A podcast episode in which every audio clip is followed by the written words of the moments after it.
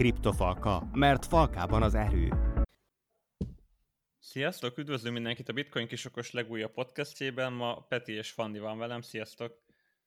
Sziasztok! Sziasztok! Na hát sajnos viszonylag régebben jelentkeztünk podcasttel, de ami a jó hír viszont, hogy elég sok jó témánk lesz, ugyanis sok minden érdekes történt az elmúlt egy-két hétben.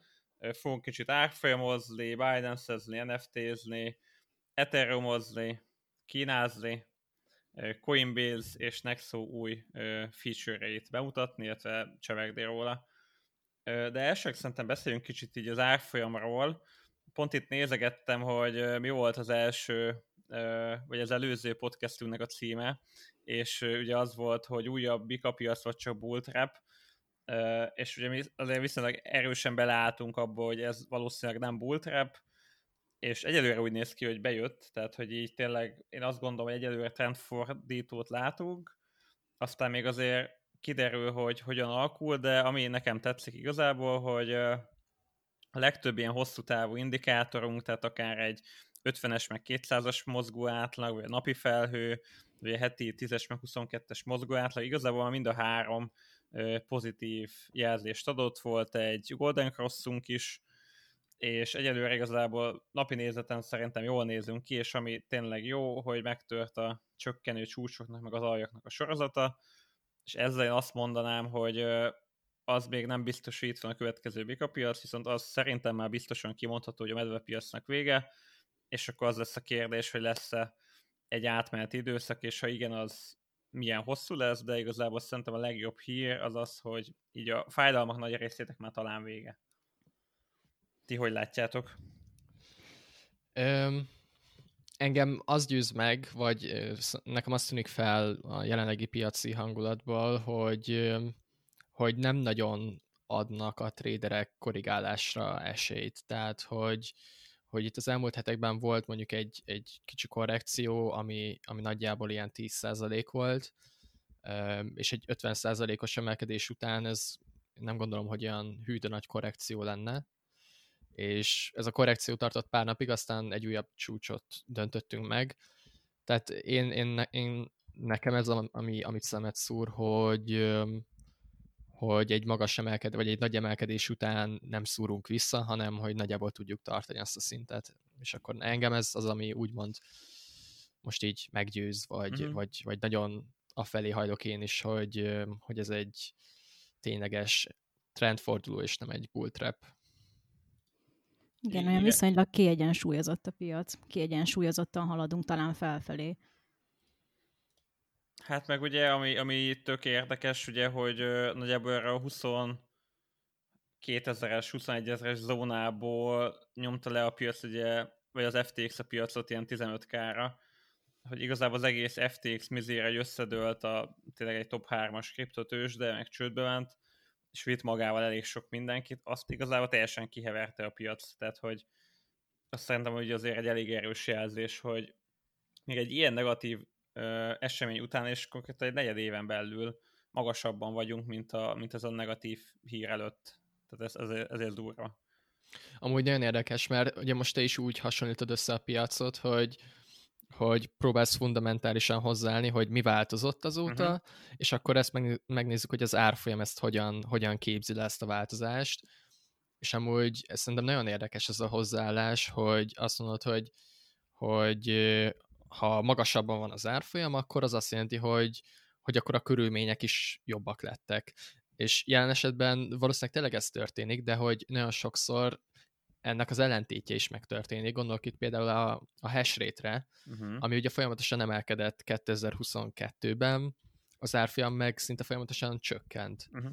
Tehát, hogy tök fura, hogy, hogy, hogy arra meg nem lehetett azt elmondani, hogy, hogy hát igen, most nem 30 ezeren vagyunk, hanem 20 ezeren, tehát akkor biztos rosszabb a, így, így minden szempontból a bitcoin piac, de hogyha megnézzük a hash rate akkor azt láttuk, hogy, hogy sose volt még ilyen magas nem tudom, értitek-e, hogy, hogy, hogy milyen szemléletre akarok itt rámutatni ezzel. Igen, igen, tehát hogy most melyik a tyúk, meg melyik a tojás.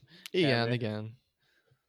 Ja, igen. érdekes. Igen, meg egyébként az is igaz, amit Roli mondott, hogy hogy olyan hamar teszi túl magát a piac, akár egy negatív eseményen, akár egy pozitív eseményen, vagy már nincs akkora hatása egy negatív vagy egy pozitív eseménynek. Itt gondolok például negatív hatásra, vagy negatív eseménynek az FTX, az, az, az FTX-es botrányra, azt is viszonylag tényleg kihevertük, de, de akár egy Elon Musk tweet is uh, ugyanilyen uh, kevesebb, uh, sokkal kevesebb hatást uh-huh. vált már ki a traderekből, meg a coin tulajdonosokból.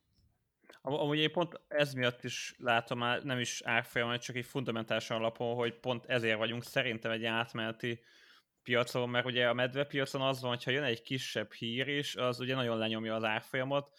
Nyilván ez nem tud a végtelenség menni, és akkor sokszor van egy ilyen egy ilyen hatalmas beszakadás, ahol tényleg így, így már ez volt a vége, és akkor nagyon sokat esünk lefele, ez valószínűleg szerintem az FTX-es esemény volt de hogy, hogy amit meg te mondasz tényleg, hogyha például most Elon Musk twittelni, hogy akkor mostantól nem tudom, Tesla meg Bitcoin összefonódnak, vagy mit tudom én, valami hatalmasat be twittelne, akkor se lő neki szerintem annyira az árfolyam, mint mondjuk annó a Bika piacon, tehát hogy igazából már a negatív hírek se hatnak annyira, de még a pozitív hír se dobná meg annyira a piacot, szerintem tényleg ez mutatja azt, hogy egy ilyen átmeneti oldalazó, kicsit ilyen felhalmazós piacunk lesz, és akkor utána indulhat el a következő bika piac szerintem.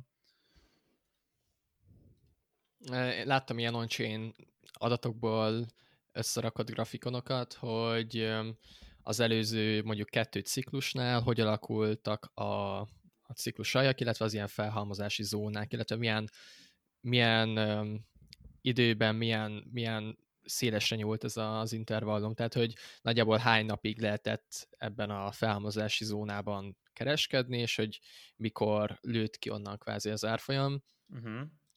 Um, és amúgy nyilván először is mindenkit óvaintek, hogy, hogy mindig hasonlítsunk össze az előző ciklusokhoz, de hogy alapvetően, alapvetően ez jó táptalaj tud adni, csak óvatosnak kell lenni, hogy, hogy ne vegyünk mindent um, hogy is mondjam, készténynek, tutira, yeah, yeah. igen, tehát hogy ez egy tök jó iránytű tud lenni, például, hogy hogyan viselkedtünk az előző ciklusokban, um, csak ne kergessük magunkat bele abba, hogy akkor ez mindenképpen így is lesz, de hogy azok tényleg azt mutatják, hogy ez a felhalmozási zóna, ez, ebben már benne vagyunk, hogyha, hogyha tényleg az előző ciklusokat nézzük de szerintem tényleg az, hogy így visszanézed, hogy mi volt a múltban, nekem ami nagyon tetszik, az például Ray Dalio-nál, hogy ő tényleg ilyen száz meg ezer éveket visszanéz, hogy, hogy, hogy hogyan hanyatlottak a gazdaságok, meg hogyan íveltek fölfele, és igazából mindig így levezeti, hogy, hogy ami most nekünk újnak tűnik, az tökre nem új, mert hogy nem tudom, 500 éve pont ugyanilyen volt, nyilván kicsit másabban, de hogy,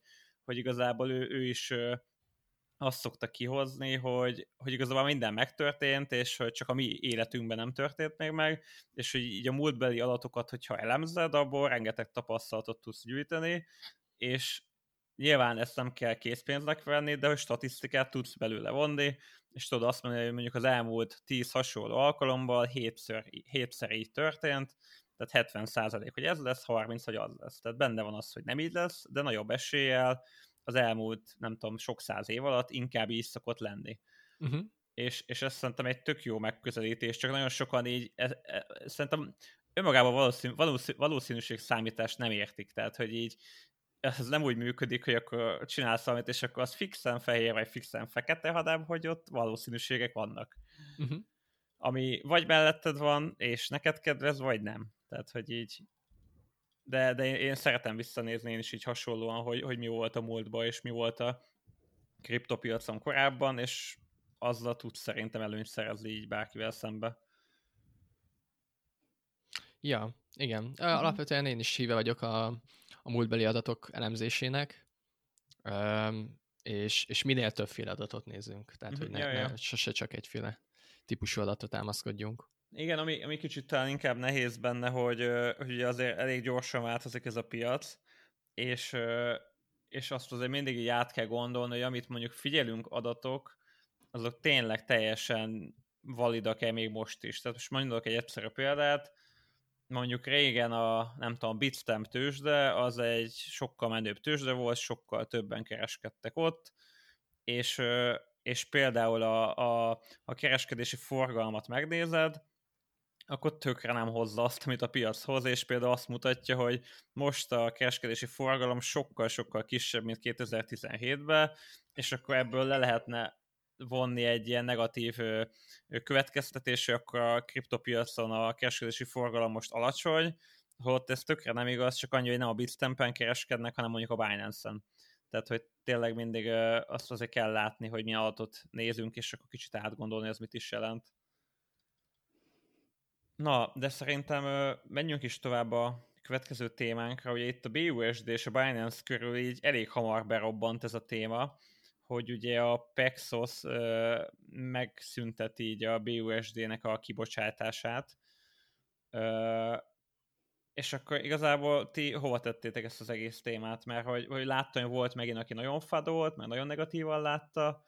Én nem tudom, megint vagy a középen vagyok, hogy, hogy tényleg nem jó dolog, de hogy igazából elvileg fedezve vannak a BUSD-k, és igazából nem az van, hogy, hogy úgymond bármiféle csalás, vagy nem tudom, rossz szándékú dolog történt, csak kicsit inkább így bele, belerúgnak a, a piacba talán a tőzsdefelügyelet ismét.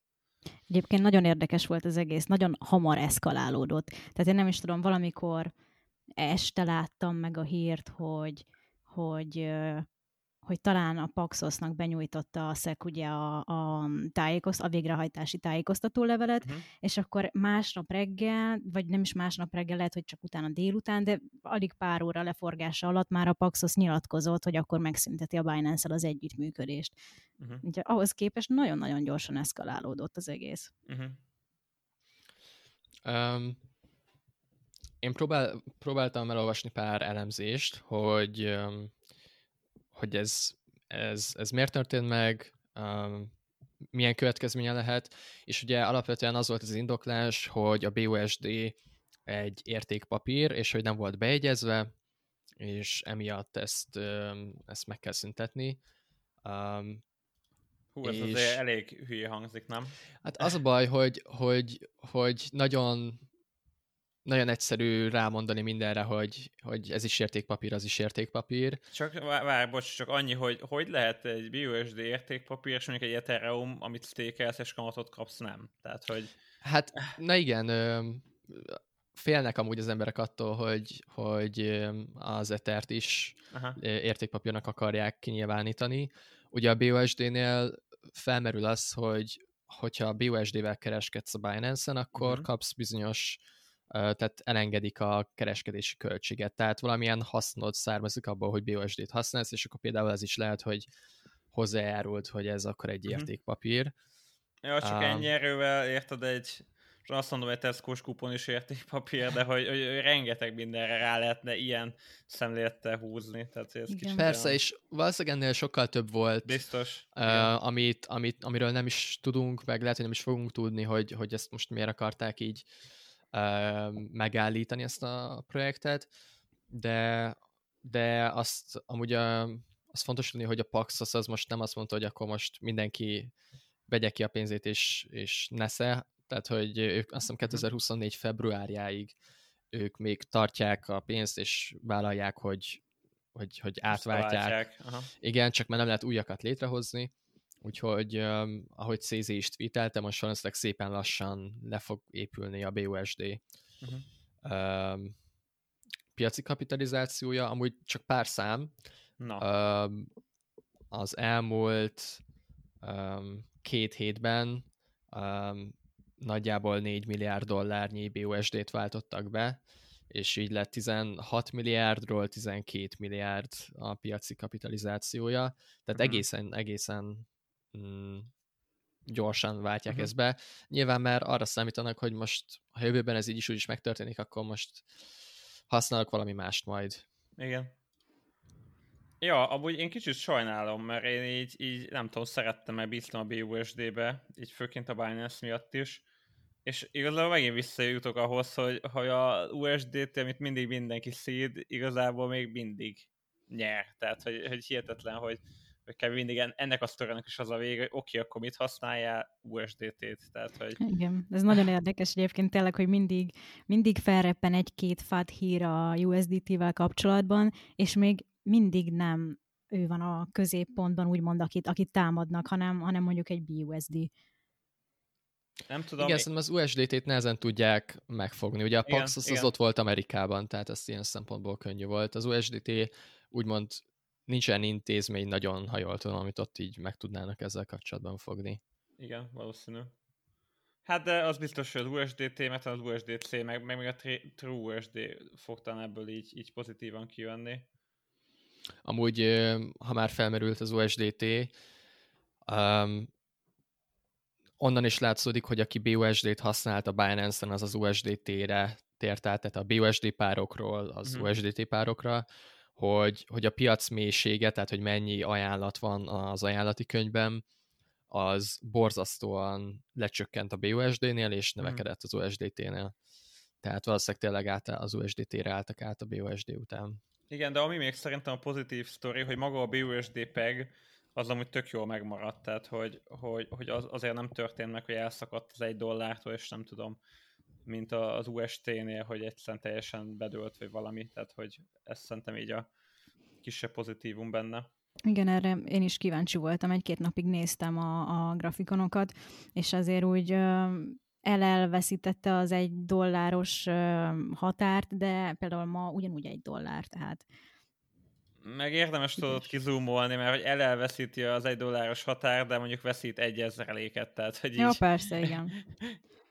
ja. Szerencsére nem tudta nagyon megmozgatni, tehát hogy Igen. nem, nem, nem lett egy ö, terra. Ja, igen. Na, a következőben egy kis NFT témák. Nem is tudom, mikor beszéltünk pont erről, hogy a Petivel meg Gábor még a podcastben, hogy a bitcoin szeretnénk el, ha megmaradna ennek az old school értékőrzőnek, vagy jó lenne, hogyha igazából bitcoin lánca meg tudná mindent csinálni, mint mondjuk az Ethereum, és kb. egy hónapja lehetett ez, vagy max. kettő, és ugye itt az Ordinals így kb. pont annyi idő alatt így berobbant a köztudatba, ahol igazából én azt mondom, hogy közvetetten tudsz a bitcoin láncra NFT-ket ö, mintálni, ami így azért meglepett engem eléggé, és én még annyira nem is tudom szerintem fölfogni, hogy ez hogy működik, de én minden esetre amúgy tök jó dolognak gondolom, hogy meg hát látszik amúgy, hogy a, a blokkokban is ö, rengeteg ö, tranzakció és, és fi fut az Ordinals miatt, tehát egy kicsit a bányászoknak ez, ez egy jó dolog, hogy pörgetik a hálózatot, maguk a NFT-k is a bitcoin láncon. Igen, um, hát most már több száz ilyen NFT van. Azt azért fontos tudni róla, hogy um, ezek mind pixeles képek, mivel a, ugye alapvetően a bitcoin blokkoknál ott is van egy limit, hogy milyen nagy lehet ez a blokk. Ez alapvetően egy megabyte, um, viszont egy-két frissítés miatt ezt egy ilyen elméleti 4 megabájtra valahogy fel lehet tornászni, ami azt jelenti, hogy pár megabájtos képeket fel lehet rakni a bitcoin blokkláncára, mert egy blokkba kell belerakni a képet, ha jól tudom, és ami még úgymond jó a bitcoin blokkláncán, az, hogy ott tényleg ott vannak az NFT-k, mert ugye az Ethereumnál nagyon sokszor csak egy hash mutat valamilyen adatbázisba, valamilyen centralizált adatbázisba, a BTC-nél viszont ténylegesen a blokkláncon van fent a kép, az adat, úgyhogy, úgyhogy ez egyfajta olyan NFT, meg olyan adattárolási lehetőség, ami így talán a legbiztonságosabb, mert, uh-huh. Mert nem tud, nem tud elveszni. Hát igen, igen, meg, meg ki kell fizetni azért azt, hogy, hogy oda fel tud tenni. És amúgy, bocs, azóta a BTC hálózaton a tranzakciós költségek amúgy láthatóan egy kicsit magasabbak, tehát hogy igen, mert túlterhelték ezzel igen, az emberek igen. hálózatot. Igen, igen, tehát hogy nem régen néhány tized dollárért tudtál BTC-n is küldözgetni, most inkább egy-két dollár egy, egy tranzakció, vagy, vagy még öt is akár. Nem tudom. Mit gondoltok egyébként, többet érhet idővel egy, egy ilyen bitcoin NFT, mint mondjuk egy, egy Ethereum futó NFT? Vagy egy Polygon? Akár. Nálam, Vagy mi, mi, mi, mi, mivel tehát... ez mondjuk úgy speciálisabb, mint hát... mondjuk egy bajc, vagy most bocsánat, magyarosan mondtam, de, de hogy de értitek. még. Hát figyelj, szerintem maga az, hogy milyen hálózaton fut, az, az az értékét valamilyen szem, szinten meghatározza alapból szerintem. Tehát így, így maga a biztonsági fok, meg, meg a megbízhatóság, tehát most mondok valamit, hogy mondjuk van egy Solanás NFT-d, és szóval a hálózata összedől, mit tudom én, havi kétszer, tehát hogy így, így, így a megbízhatóság, meg a, meg a biztonsági fok miatt szerintem mindenképpen számít, hogy milyen láncon van az NFT-d. Mhm, de akkor ennek nem, nincs olyan szinten művészeti értéke, mint mondjuk egy, egy, egy ilyen nem tudom. Hát jelenleg nincs. Uh-huh. Jelenleg nincs, de, de én azt sem tartom kizártnak, hogyha ezt már meg tudták oldani, akkor valahogy azt is meg fogják oldani, hogy egy normális, nem pixeles valamit is meg, meg tudnak majd csinálni. Tehát, hogy a, azért azt ne felejtsük, hogy az Ethereum is ilyen kriptopánkok voltak, ami szintén pixeles uh-huh. volt. Igen, tehát, igen. hogy hogy én azt, azt se tartom kizártnak, hogy esetleg majd egyszerűen egy olyan bitcoin frissítés, amivel tök lazán ezt meg lehet oldani, hogy normál kinézetű NFT-k legyenek, nem ilyen gagyik, úgymond. Hm, izgalmas. Minden esetre kiváltott egy kis ö, ö, vitát a közösségből, uh-huh. hogy, ö, hogy hát a bitcoin hálózatát az csak a tranzakciók lebonyolítására kell használni és lehet használni, miért akarjuk elcsúnyítani NFT-kkel, meg túlterhelni NFT-kkel, meg, meg hasonlók, ami amúgy uh-huh. egy, egy, egy fair, fair um, pont szerintem, uh-huh. de én azokat is abszolút megértem, akik azt mondják, hogy hát ez egy tök jó use case, és um, egy kis reflektorfény, reflektorfényt fog a, megint csak a bitcoinra uh, rávilágítani, um, úgyhogy én egyik táborba se helyezem el magamat, mind a két tábort megértem. Um, hát ja, jogos, jogos, mert úgymond, hogyha megnyitjuk Satoshi-nak a white paper-ét, akkor erről nyilván szó sincs benne, tehát hogy... Lehet, hogy, hogy forog a sírjában. Igen, tehát hogy... Nem erre gondoltam. Föl lehet, igen, így is fogni, hogy akkor ezzel most Satoshi-nak ellen megyünk, és hogy ez tényleg támadás a bitcoin hálózata ellen, ahogy sokan bonták, E, ezt így is föl lehet fogni, meg úgy is föl lehet fogni, hogy igazából a közösség dönti el, hogy mi a bitcoin. Tehát, hogy ahogy eddig is volt, hogy Satoshi letett az alapokat, lelépett, és onnantól tényleg azzal, hogy a közösség dönt mindenről, és ha azt akarja, hogy így legyen, akkor így lesz. Ha nem tudom, nem akar a bitcoin cash hardforkot, akkor nem áll be mögé, és támogatja a bitcoin kort, az alapláncot, és az van. Tehát, hogyha most a közösség úgy dönt, hogy, hogy legyen NFT a BTC láncán, akkor lesz. Tehát, hogy szerintem ilyen szempontból ez igazságos, meg, meg jó hozzáállás. Ha mondjuk tényleg annyira leterhelni a bitcoin hálózatot, hogy, hogy, hogy nem tudom, mondjuk egy nap lenne átküldeni egy mm-hmm. tranzakciót, akkor mondjuk azt mondanám, hogy, hogy hát igen, ez most annyira nem jó. Tehát, hogy szerintem az elsődleges funkció az, az tényleg a, a tranzakció, tehát a bitcoin átruházása a személytől B, személy, B személyre, uh-huh. um, és hogyha hogyha ebben nagyon nagy sorba esik, akkor, akkor amúgy én sörülnék annak, Igen. hogy az NFT viszik el a, a kapacitás egy részét, vagy Igen. nagy részét. Csak erre meg azt gondolom, hogy nyilván ez egy szabad piac, és önszabályozó, és hogyha ez így működne, akkor nyilván a NFT-sek se akarnak bitcoin hálózatán NFT-zni, meg újra szar nekik. és mert kell, nem tudom, ezer dollárt fizetniük egy tranzakcióért, meg várni két hetet, most nyilván túlzok, és visszamennek az eterre, tehát hogy hogy szerintem egy ilyen állapot max csak így idő, idő, idéglenesen fordulhatna elő, és úgyis beszabályozza magát az egész piac. Hogyha ez mondjuk a bull piac közepén jött volna ez a, ez a projekt, Azt akkor kemény. lehet, hogy láttunk volna olyat, hogy, hogy egy bitcoin tranzakció az egy nap, napig Igen, pendingelődik a hálózaton. Ja, hát figyelj, kíváncsian várjuk. Ö, meg a másik meglepő téma szintén, ez is szinte majd így elment mellettünk, vagy elsuhant, ugye a Blurnek az NFT platformja, ami, hogyha jól látta, még az OpenSea-t is lenyomta a forgalomba, ami elég beteg. Igen, ugye a Blur az 2022. októberében indult, ha jól tudom, uh-huh. és az annyival tud többet ez az NFT piactér, um, hogy, hogy ez egy agregátorként is működik, tehát össze lehet hasonlítani különböző más NFT piactereknek a, az NFT-t, meg árait, um, illetve lehet csinálni különböző ilyen speckó dolgokat, hogy NFT sweep, azt hiszem így mondják, amikor, uh-huh. amikor hirtelen felvásárolsz mondjuk egy, egy kollekcióból 10 darabot. Tehát, hogy nem Felső kell mondjuk egyesé. Padlót. Igen, igen, tehát ez erre akar, ez a sweep, ez ezt akar jelenteni.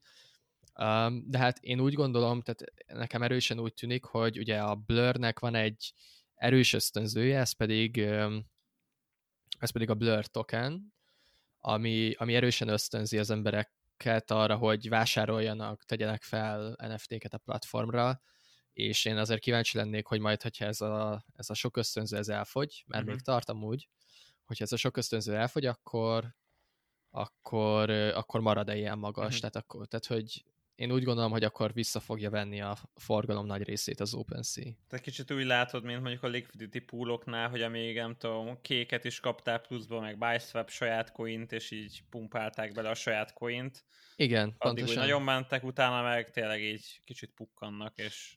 Igen, igen, illetve hmm. hát azért látszódik, hogy az OpenSea is megszeppent, mert mert egy hete, két hete, nem tudom pontosan mikor, ők is megszüntették a, a tranzakciós díjukat az, az OpenSea-n, uh-huh. csak átmenetileg elvileg, mert most a Blur-nek a platformján ott, ott ingyenes a kereskedés, tehát nem vonnak le ilyen 1-2 százalékot ilyen platformdíj formájában, uh-huh. tehát teljesen ingyenes a kereskedés, és hát ezt az OpenSea is érezte, hogy hát most ez így átveszi a piacunknak a felét, akkor jó, akkor most mi is elengedjük ezt a díjat, hogy hát ha mm. emiatt marad valaki itt ezen a platformunkon. Igen, kicsit megszorongatták. Egyébként így felhasználói élményben nekem, nekem nagyon tetszik a Blurnek a, a felülete. Uh, egyedül annyi, hogy hogy addig nem nagyon hagy ö, a platformon turkálni, meg nézelődni kollekciókat, ameddig ugye nem csatlakoztatod a walletet. Uh-huh. Én meg pont az a kis konzervatív nézelődő vagyok, aki nem szívesen csatlakoztatja minden, mindenhova uh-huh. a walletet, úgyhogy ez engem egy kicsit zavar, de egyébként tényleg jól néz ki. Hát ja, amúgy ez, ez engem is zavar. Tehát én sem szeretem csak úgy csatlakoztatni, hanem nem tudom, csak akkor tényleg ott csinálok valamit, mert nehogy mit tudom én egyszer bekövetkezzen valami, és akkor inkább, inkább a tutia biztos. Amúgy akkor lehet egy, egy ilyen kis uh, wallet security uh, két percet ide beszúrok. Na. Uh, mert, mert ugye én is nagyon sok platformhoz csatlakoztatom oda a tárcámat, a Metamask fiókomat, és amire ilyenkor figyelni kell, hogy ugye ki is írja a Metamask, hogy mi, mire adsz engedélyt, amikor uh-huh. csatlakoztatod, a, csatlakoztatod a tárcádat, és ami ilyenkor uh, úgymond uh, kockázatos tud lenni, hogy, vagy úgymond a legkockázatosabb, az az, hogy engedélyezed, hogy ajánlatokat tegyen neked tranzakciók elfogadására. Uh-huh. Általában tehát mindig el kell olvasni, hogy mire adsz engedélyt, de amit általában ilyenkor kérnek, és a leg úgymond durvább, és szerintem amúgy ez még nem, nem nagyon red flag, de amit szoktak kérni, hogy, hogy ajánlhassanak tranzakciókat, amiket neked el kell fogadni, de ettől függetlenül neked arra még rá kell nyomni, hogy elfogad. Uh-huh. Tehát, tehát amire, amire ilyenkor figyelni kell, hogy, hogy valójában, hogy a tranzakciókat, amiket elfogadsz, akkor az, az, az, azok mit csinálják. Um, úgyhogy olyankor még semmi rosszat nem csináltál elvileg, amikor csatlakoztatod a tárcádat, um, de, de nagyon figyelni kell, hogy milyen tranzakciókat fogadsz el, meg miket írsz alá. Igen. Meg még akkor ehhez az extra tipp, amit múltkor már szintén beszéltünk, hogy nekem ez a ledgeres metamaskos sztori így tényleg úgy bejött, hogy, hogy ledger plusz metamask, és akkor úgymond a fizikai eszközzel is mindig kell hitelesítened. Uh-huh. Tehát azt szerintem jó dolog. Igen, ott kétszer kell, tehát egyszer a, azt a Metamasknál, egyszer pedig a Ledgeren is rá kell nyomni, ugye? Mm, hát ja, igazából a Metamaskon rákattintasz, és kéri, hogy a Ledgeren is ugye kattints. Tehát, uh-huh, hogy uh-huh. kell hozzá a fizikai eszköz, úgymond. Ja, ja, ja. Ja. Na, mm, nyomjunk egy kis ethereum szerintem. Jó. Az mindig érdekes, mondjuk most éppen nem érdekes így az Ether árfolyama, de, de azt gondolom, hogy hamarosan vége lesz ennek a hát kicsit ilyen szunnyadós időszaknak az Ethernél, ugyanis elvileg márciusban jön a Shanghai. Uh, ugye a Bacon Chainről, uh, akik eddig stékeltek, ki tudják már venni az Etherjüket. Uh, pontosan nem is emlékszem, hogy hány millió Ether, de gyors ránézek. Elvileg 16 millió Ether, ami kb. a teljes készlet 10%-a, tehát azért egy jelentős mért mennyiségű de én biztos vagyok benne, hogy ennek a negyedét sem fogják uh-huh. kivenni. Tehát, hogy uh-huh. ugye ez azt jelenti, hogy úgymond mindenki megszűnik létezni, Igen. mint validátor, tehát ez, ez nyilvánvalóan ez nem fog megtörténni. Na figyelj, Igen. akkor tippeljünk, hogy, hogy 16 millióból szerintetek hány százalék fogja úgymond feloldani a sztéket, és mondjuk hány hagyja tovább futni.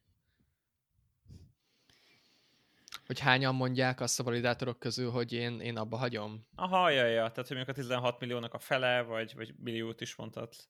És ez már márciusban, ugye? Elvileg márciusban. Tudod, hogy ez a termész, mm-hmm. hogy megy. Hát, hát én azt is hallottam, hogy inkább április eleje lesz. Na, látod. Melyik év április eleje? Igen. Á, igen. um, Nyilván Én piacfüggő amúgy... is egyébként, hogy éppen akkor milyen árfolyamon lesz az Ether, de uh-huh. Személyes preferenciák én biztos, hogy nem oldanám fel. Elmondom, hogy nekem mi van a fejemben, nem tudom a választ, nyilvánvalóan nem tudom a választ. Uh, nekem több dolog is van a fejemben. Egyrésztről azt, hogy hogy ugye a Kraken Liquid Staking szolgáltatását is megszüntette az SEC, tehát hogy nekik például egyből ki kell majd venniük az összes Ethert is visszaszolgáltatni a felhasználóknak, úgyhogy azzal úgymond számoltunk, mint fix. Hm. Uh, igen, Ether, igen, ami, csak, ami csak még ők se, ők se biztos, hogy, tehát hogy igazából csak hogy bedobjam, hogy igazából a legtöbb embernek az a félelme, hogy felszabadul mondjuk 16 millióval tegyük föl 6 millió darab Ethereum, az a 6 millió ügyfél, az biztos, hogy egyből bemegy a Binance-re, és rányom, hogy sell, és ezért az Ethereum árfolyama hatalmasat fog zuhanni a Shanghai után. Tehát, hogy nagyon egyszerűen, meg azt mondom, hogy kicsit bután gondolkodva, ezt látja benne a legtöbb ember szerintem, és akkor Peti kicsit folytos létszét, te hogy látod, mert szerintem ennél azért sokkal árnyaltabb a kép. Igen, de tehát, hogy még, még nagyon sok minden más is van a fejemben, például az, hogy hogy számomra azért kicsit bullish a, a Shanghai frissítés, mert mert kijön az egész rendszerből egy olyan bizonytalanság, hogy én nem tudom bármikor kivenni az Ethert a platform, platformról, ezért mm ezért szerintem ez pont, hogy bevonzza már a validátorokat, tehát hogy új validátorokat vonz be, pontosan azért, mert mert, mert nincsen benne ez a bizonytalansági faktor, Aha, és bármikor ja, azt mutatom, hogy én felmondom a szerződést az Ethereum-mal. Uh-huh. Ugye ezt, ezt most nem nagyon tudja megcsinálni senki, tehát hogy, hogy most bent kell tartani az Ethert, és a Shanghai frissítés után pedig, hogyha berakod az Ethert, akkor utána bármikor kiveheted kvázi. Uh-huh. Úgyhogy ez a bizonytalanság megszűnik, szerintem ez tök jó. Az tényleg jó. Um, illetve azt lehet tudni, hogy a most stékelt eterek um, nél az van, hogy amikor az emberek ezeket lekötötték, akkor, akkor ezeknek a lekötött etereknek a 40%-a volt olyan, amit olcsóbban vásároltak, mint a mostani árfolyam. Tehát, hogyha azon gondolkozunk, hogy itt biztosan profitrealizálgatásokba kezdenek majd a validátorok mm. hirtelen, akkor, akkor, akkor azt gondolom, hogy nem, mert az emberek többsége, tehát a 60 százalék az, az úgymond még mindig negatívban van, mert drágában vásárolta az etert, mint a mostani árfolyam. Tehát ez, ez is egy, egy faktor. Én, amit valójában néznék, az az, hogy mennyi a kamatként kapott eter.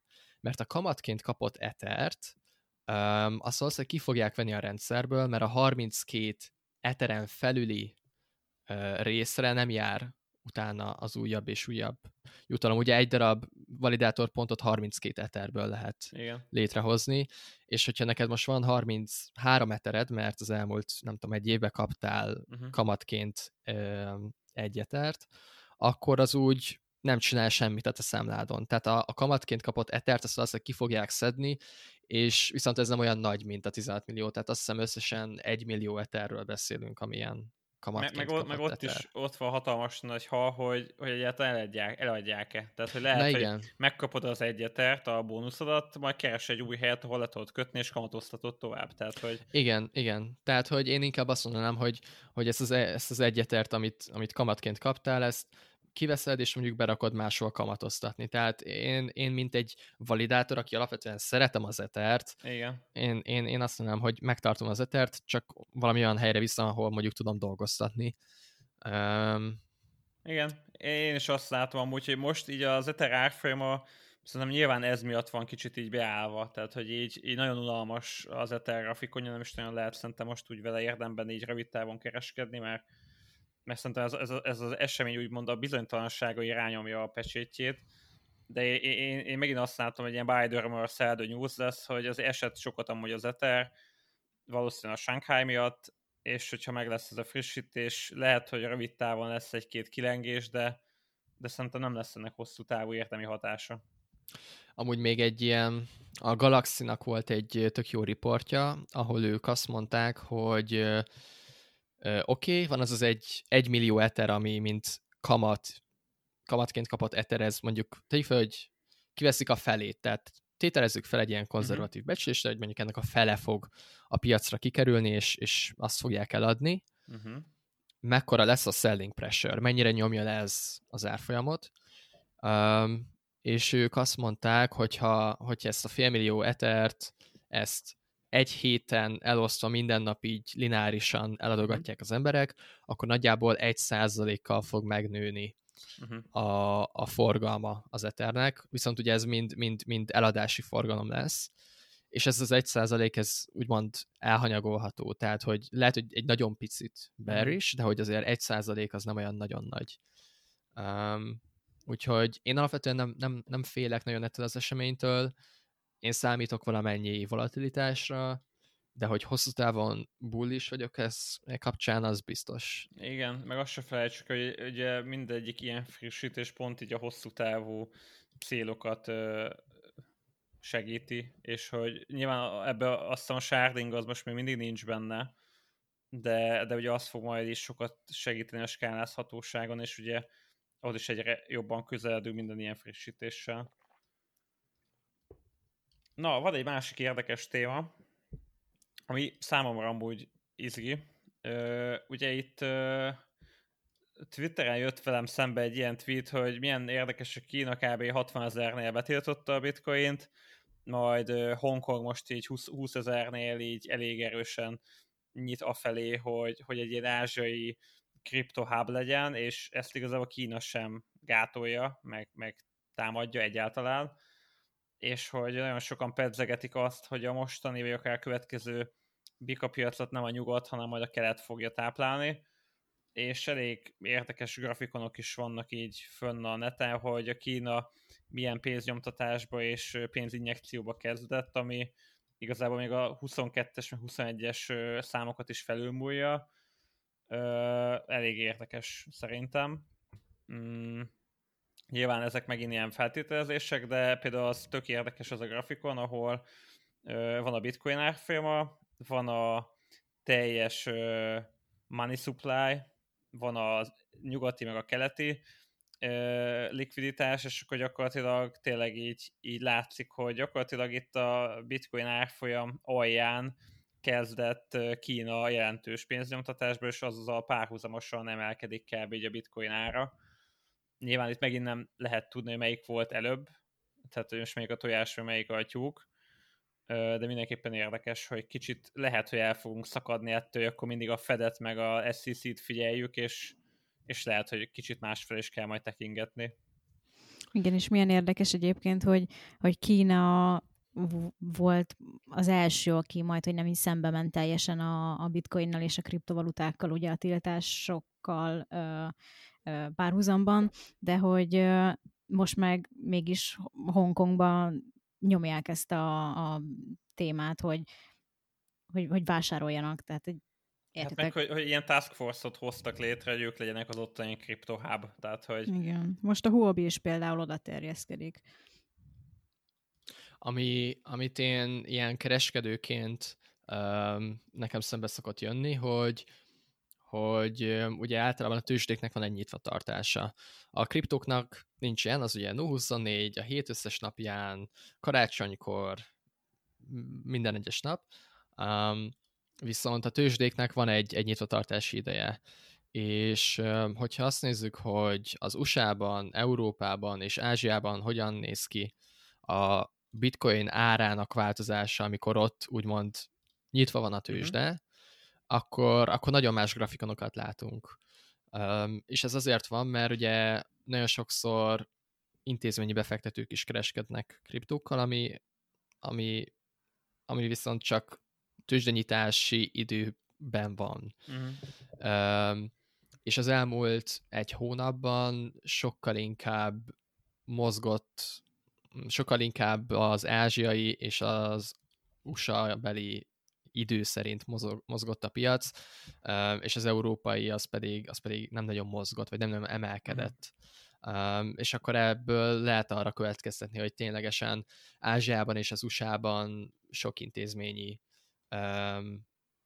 kereskedés is zajlik. Ezt talán alátámasztja valamennyire, amit most ti mondtatok így Kínával kapcsolatban. Igen, érdemes azért félszemmel követni őket. Igen, meg itt szerintem tényleg megint az az üzenet, hogy, hogy nagyon sokszor be, be tudunk ragadni ilyen narratívákba, hogy, hogy például régen így le se szartuk, hogy az SEC mit csinál, mert tök máshogy mozgott a bitcoin a, nem tudom, az aranykai tőzsdétől. Az elmúlt két évben meg mindenki kb. csak a hagyományos tőzsdéket figyeli meg, hogy akkor majd a bitcoin is úgy mozog, és ugye ezek az ilyen narratívák, így, így láthatjuk, hogy így néhány évente így, így folyamat változnak, és, és lehet, hogy két év múlva tényleg senki nem fogja a Fedet figyelni, hanem nem tudom, tök más fog figyelni. És, és ezt szerintem meg egy kicsit ilyen, hogy így érdemes így nyitott szemmel járni, mert lehet, hogy, hogy tényleg nem tudom, majd a kelet fog kicsit így erősebben dominálni így a bitcoin a kripto árfolyamoknál is. Itt a napokban Coinbase vicceskedett, mert hm. twitteltek egy ilyen kék darab karikát, egy kört, és nyilván az ilyen, ilyen figyelemfelkeltő volt, és akkor csomóan itt viccelődtek is velük, meg így találgattak, hogy mi lehet, és én azt hittem, hogy hosszabb ideig el fogják húzni, de ugye bejelentették, hogy elindítják a Base-t, tehát hogy Coinbase, és, és egy saját Ethereumra épülő L2-es projektet fognak hát fölépíteni, ami már is indult. Nekem egyből az jutott eszembe, hogy kicsit azt próbálja elérni a Coinbase, amit a Binance elért, hogy van egy úgymond által létrehozott chain, amit használhatnak a felhasználók defizni vagy NFT-zni, de nyilván itt azért kicsit másabb a, a téma, aztán Peti majd te is gondolom ehhez hozzászólsz, hogy hogy ez azért nem olyan centralizált, mint a Binance Smart Chain, tehát hogy itt igazából az Ethereum adja az alapléjert, és ugye az Optimism segíti magát a, a futását a dolognak, de hogy azért mégiscsak ott lesz mögötte a Coinbase, tehát hogy, hogy, hogy én azt mondom, hogy egy, egy sokkal decentralizáltabb, de egy, egy Binance Smart Chainhez hasonló konkurenciát alkot éppen a Coinbase. É, igen, igen, alapvetően egyetértek. Um, ugye azt szerintem nagyon fontos, hogy ez az Ethereumra épül, mint egy úgymond Layer 2 hálózat, a, aminek a biztonságosságát és decentralizáltságát az Ethereum adja, és, és, és ezért szeretnek úgymond ráépíteni, mert, mert örökli kvázi a Layer 2 hálózata alatta lévő Layer 1-es hálózat, jelen esetben az Ethereumnak a tulajdonságait. Um, és hogyha megfelelően szoftveresen van ez felépítve, akkor, akkor attól függetlenül, hogy ezt a Layer 2 hálózatot kiüzemelteti, um, attól függetlenül ez ugyanúgy tud decentralizáltan és megbízhatóan, biztonságosan működni. Um, én, én amit itt látok ezzel a Coinbase-es szituációval kapcsolatban, hogy, hogy ők próbálják folyamatosan diversifikálni a bevételeit, a, a cég bevételét, mert, mert ez nagyon nagy részben a, a tőzsdéjükön lévő um, lakossági kereskedési díjakból származik. Tehát ez 2020-ban ez több mint 80% az innen jött, és akkor most így elkezdték ezt diversifikálni, és például most már a liquid staking szolgáltatásuk, meg az earn, meg a nem tudom, mindenféle mhm. vállalati bevételük um, az, az növekedett, és szerintem most azzal, hogy lesz egy layer 2 hálózatuk, amit valamilyen módon ők üzemeltetnek, ahol lesznek tranzakciós díjak. De az nem um, hozzájuk megy, nem? De, de. Az, hát egy része az valószínűleg arra megy majd, hogy, hogy az Ethereum-on lévő uh, tranzakciós díjakat kifizessék, de hogy ezen felül nekik ebből lehet bevételük. Aha. Tehát az, azt gondolod, hogy minden tranzakcióhoz egy kicsit még rátesznek az alapféken felül? Mert nekem ez nem jött még át, hogy hogy, hogy ez a Coinbase-nek úgymond miért jó, mert, mert azt is nyilatkozták, hogy elvileg nem lesz saját base token, tehát hogy nem lesz egy olyan tokenja a platformnak, ami esetleg értékben növekedhet, és akkor, akkor így, így megtérül, hanem ugye Ethereum fee fogunk fizetni, ha jól értem.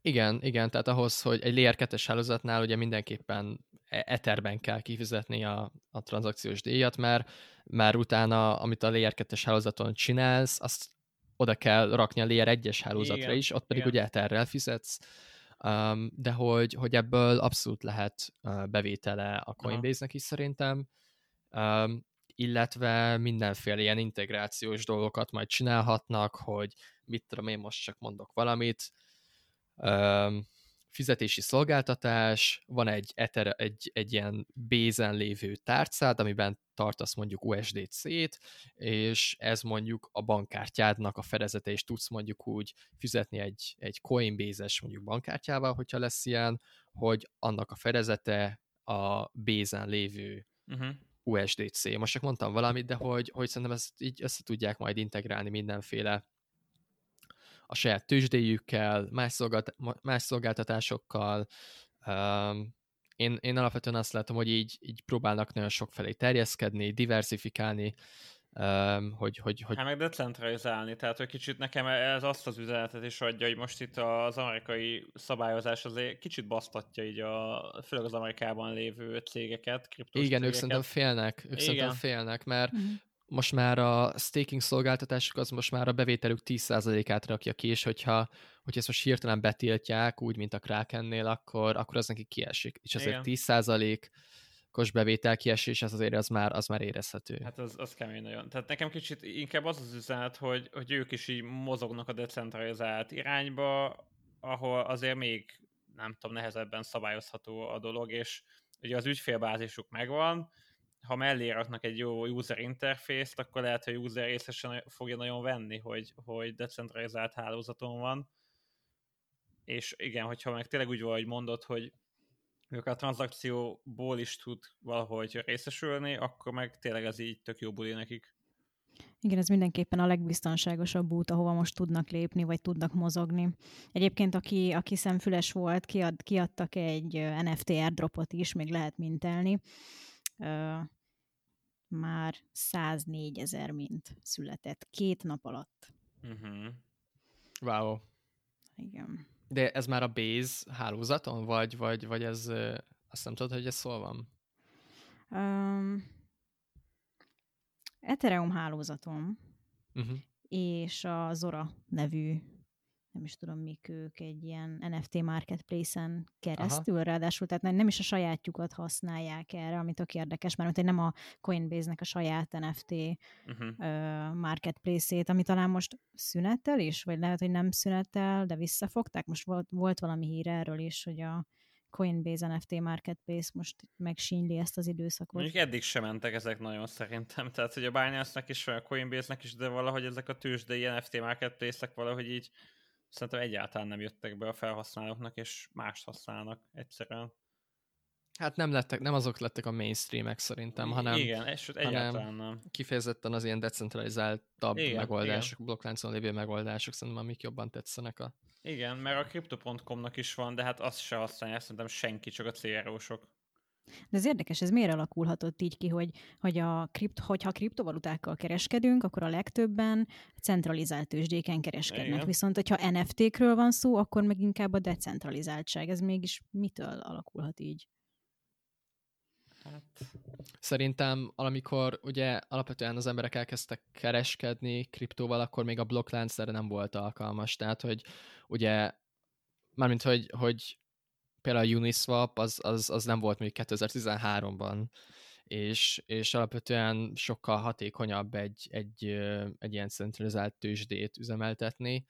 Um, viszont az NFT-knek a világa pedig már akkor jött, amikor teljesen így úgymond volt arra lehetőség, hogy ezt így teljesen blokkláncon bonyolítsák le az emberek, tehát én, én, én valahol így ezt érzékelem, és amúgy nagyon sokan vándorolnak most át blokkláncon való kereskedésre, mert most már tényleg szinte mindent meg lehet csinálni blokkláncon, tudsz tőkátételesen kereskedni, ami, ami szerintem nagy szó, és... Um, szerintem és, minden és tudsz, csak a fi, fiik, nem tudom, azt még nem látom, hogy az hogy fog úgymond vállalható szintre csökkenni, vagy javíts ki, ha nem így van, de hogy ez, Hát ez a... Ethereumon, Ethereumon annyira nem jó, de hogy ha megnézzük, ugye mondjuk az egyik legnagyobb ilyen Uh-huh. uh, tőkátételes kereskedésre alkalmas platform, a DYDX, ő ugye már átment Layer 2-re, Mhm. ahol pár cent a, Az a, a kereskedési költség, tehát az, az úgymond nem sok. Igen, ez tényleg jó. Ja, szóval mindenképpen érdekes a Béznek a projektje, szerintem érdemes lesz követni, meg, meg tényleg majd arra leszek kíváncsi, mi lesz az egy-két ilyen első ilyen projekt, ami így ráépül, és így valami nagyot húz. Azokat, azokat szerintem érdemes lesz figyelni.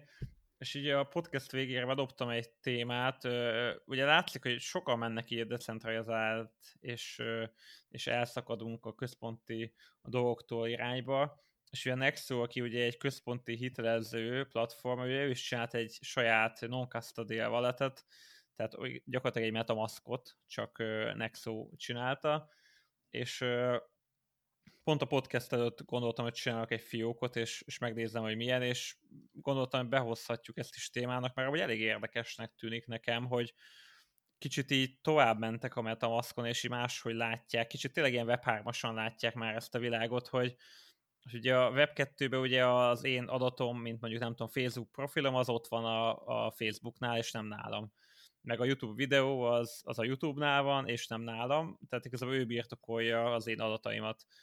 És ugye a Nexonnak ez a Web3-as valitja, ez tényleg igazából nem is egy kriptotárca, hanem egy ilyen digitális személyazonosság, ami egy, ugyanolyan, mint egy Metamask, csak, csak nem kriptót tud tárolni, hanem egy digitális személyazonosság, ami alá te be tudsz mindenféle infót majd húzni, ami lehet egy kriptotárca, vagy lehet egy NFT, de hogy igazából ő azt mondja, hogy legyen egy digitális non-custodial személyazonosságod, amihez csak te férsz hozzá, ugyanúgy működik, úgy van a privát kulcs, mint Metamaskon, és akkor igazából ez alá be tudod húzni mondjuk a, nem tudom, az Ethereum tárcádat, a BNB-s tárcádat, a Polygont, és, és azt tudod csatlakoztatni, és tudod használni különböző dolgokhoz. Tehát egy kicsit, kicsit ez egy ilyen fejlesztett metamasznak tűnik nekem, és tényleg kicsit ilyen Web3-as irányba mutat, hogy majd akkor én itt tárolom a, nem tudom, a személyazonossági adataimat, azt majd csatlakoztatom a Facebookhoz, amíg csatlakoztattam, ami megkapja azokat az adatokat, majd hogyha akarom, akkor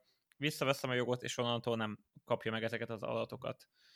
Tehát szerintem tök érdekes irány. És akkor ebből kifolyólag a Nexo nem tud bele turkálni ebbe a validba? Hát figyelj, szerintem, vagy annak nem néztem utána, de ez ugyanolyan kérdés, mint hogy mondjuk a Metamask, aki generálja neked a privát kulcsot, ő mennyire tud bele turkálni. Tehát uh-huh. uh, nyilván ezt általában szerintem úgy, úgy uh, alkotják meg, hogy úgymond a, aki alkotta mondjuk a Metamask vagy a Nexo, azt szerintem a privát kulcsot nem tudja visszafejteni. Reméljük de ennek, ennek én még a Metamasknál sem néztem, hogy utána, nem tudom, ti utána néztetek-e? Ö, én nem néztem utána, de azt tippelném, hogy, hogy nem tudja. Én egyedül a Ledgernél néztem utána, hogy ott uh-huh. hogyan generálják le a, a, a, a, a privát kulcsot, mivel nekem az volt a fejemben, hogy azt én úgy megkapom, és akkor abban bele van táplálva egy privát kulcs, és akkor azt így miért ne tudnák mondjuk a gyárban már mhm. alapvetően, uh-huh. hogy, hogy ez micsoda, de hogy a Ledgernél például úgy van, hogy van benne egy, egy random számgenerátor, és amikor ott vagy, hogy oké, okay, akkor, akkor, akkor csináljuk meg a privát kulcsot, akkor rányomsz, és akkor generálja le. És akár hányszor úgy újra generálhatod, tehát hogy, hogy, hogy ez, a, ez a random számgenerátor, ez így um, lehetőséget ad arra, hogy akárhányszor újra, újra csinálj egy, egy privát kulcsot. Igen, igazából akkor az a kérdés, hogy akkor az a random számgenerátor az is mennyire random, vagy az is valamennyire visszafejthető, de szerintem ennél sokkal okosabbak vannak, ebből a témában nálunk sokkal okosabbak vannak, akik ennek már utána néztek, és egyetlen metamaszkot se törtek kb. még föl, meg Ledger se, úgyhogy tényleg mindent jól csinált az illető, tehát én ezekbe így, így bízok, mert nem hallottunk még ilyen sztorikat. Ö, és akkor ami még itt érdekes ennél a Nexus Web 3-as tárcánál például, hogy ugye tudsz alá behúzni mondjuk több Ethereum tárcát. Tehát mondjuk be tudod alá húzni mondjuk akár 2-3 metamaskos tárcádat, és mondjuk egy tranzakciónál tudsz így becsekbe, tehát ilyen csomagokba csoportosítani a dolgokat, és, és akár különböző tárcákat együtt aláírni, vagy bejelölni, hogy mondjuk a, küldök valahonnan valahova, és melyik tárca fizesse majd a gázfit. Tehát, hogy például biztos volt már veletek is olyan, hogy van több tárcátok, és mondjuk Metamaskról kiutaljátok, nem tudom, az etert, ott marad valami, amit ki akarnál utalni, de nincs elég eter, hogy kifizesd a mhm. gázfit. Mm-hmm. És, és ugye ezzel meg tudod azt csinálni, hogy, hogy a gázfit a másik tárcádból utaltatod. Tehát ez például tök érdekes, meg amit néztem, hogy elvégtettek belőle olyan feature-t, ami szintén ilyen új, meg ilyet még nem láttam, hogy elvileg be tudsz állítani ilyen, hát ilyen Guardiannak hívják, ilyen védelmezőt, hogyha elveszíted a, a tárca kulcsodat, tehát a privát kulcsodat, akkor bizonyos feltételek esetén lehet olyan megnevezett tárca vagy személy, akit te megjelöltél, hogy ő helyre tudja állítani a tárcádat. Ez, ez, kvázi, hasznos. ez kvázi olyan, mint amikor feldarabolod a, a, a privát kulcsodat három darab részre, mert ugye ez igazából egy, egy hosszú karaktersorozat, uh-huh. és akkor azt mondod, hogy csinálsz három, három részt, és mondjuk az első harmadát beviszed a bankba, bezarod a széfbe, a második harmadát odaadod szüleidnek, hogy ügyezzenek rá, a harmadikat pedig a haverodnak, és akkor, hogyha bármi történik, és nyilván te is megőrzed az egészet, uh-huh. és ha bármi történik, mondjuk elveszíted valahol a, a, a privát kulcsodat, akkor össze tudod ebből rakni ezekből az infokból, de hogy alapvetően akiknek viszont odaadtad, ők viszont nem tudják önmagukban azt, uh-huh. azt összerakni. De, de nyilván ez egy sokkal bonyolultabb sztori, mint amit most az előbb te mondtál, hogy, hogy ez a Guardian hogyan működik.